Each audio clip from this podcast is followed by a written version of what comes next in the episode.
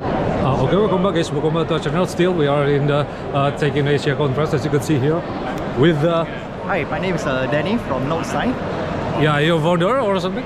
Uh, yeah, I'm the co-founder for this uh, particular project that we are incubating. Yeah. Yeah, absolutely. Uh, see, I already spoiled by myself. I'm like crypto YouTuber. I'm like uh, doing like interviews with a lot of people, and right now I'm doing with uh, NodeSign in particular.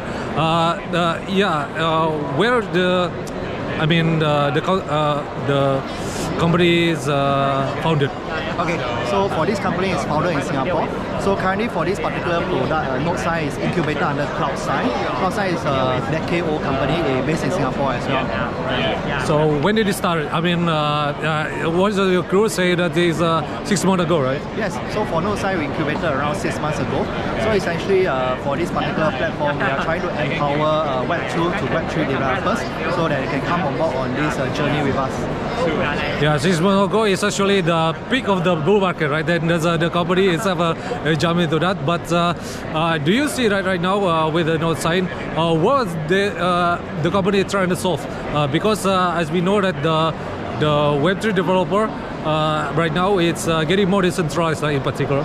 Yeah, so uh, I feel that uh, right now a lot of uh, all these Web3 developers are still mainly based in the US or European country.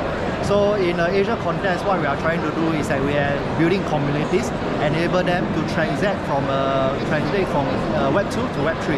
So essentially, we want to enable communities, uh, uh, provide them with the infrastructure, so that they can build apps on top of uh, different chains uh, in the blockchain environment.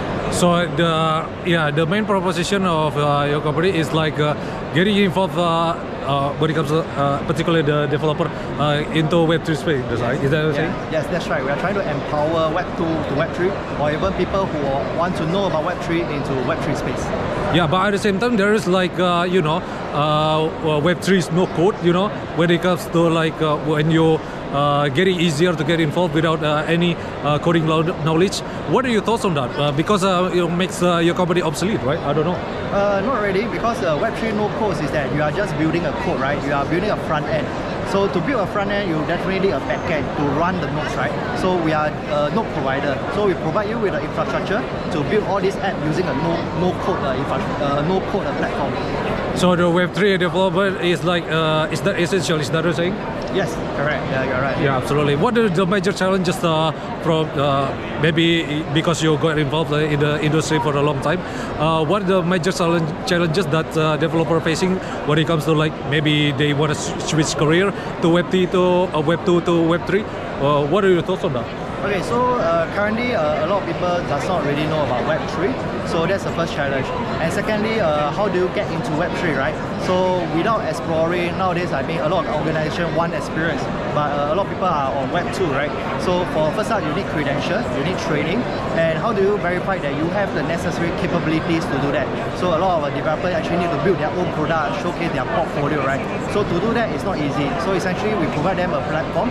The platform could be uh, as easy as free, so you can just enable a few projects to build on top of it to showcase to your future employers, so you can go into a Web3 environment.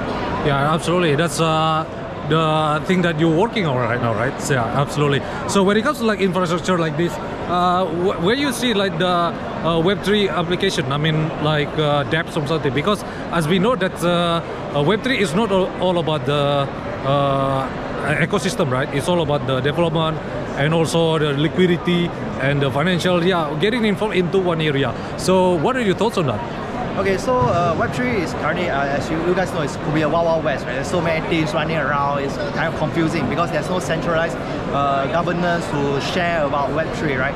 Uh, so what we do see is that uh, Web3 could be anything, uh, anything that you want to build on top of it. Could be exchanges, could be wallets, uh, could be even games like Metaverse, right? But uh, when you bring all this, you are going to write all these transactions into the decentralized land, which is a blockchain layer, like Ethereum, Solana, and Polygon.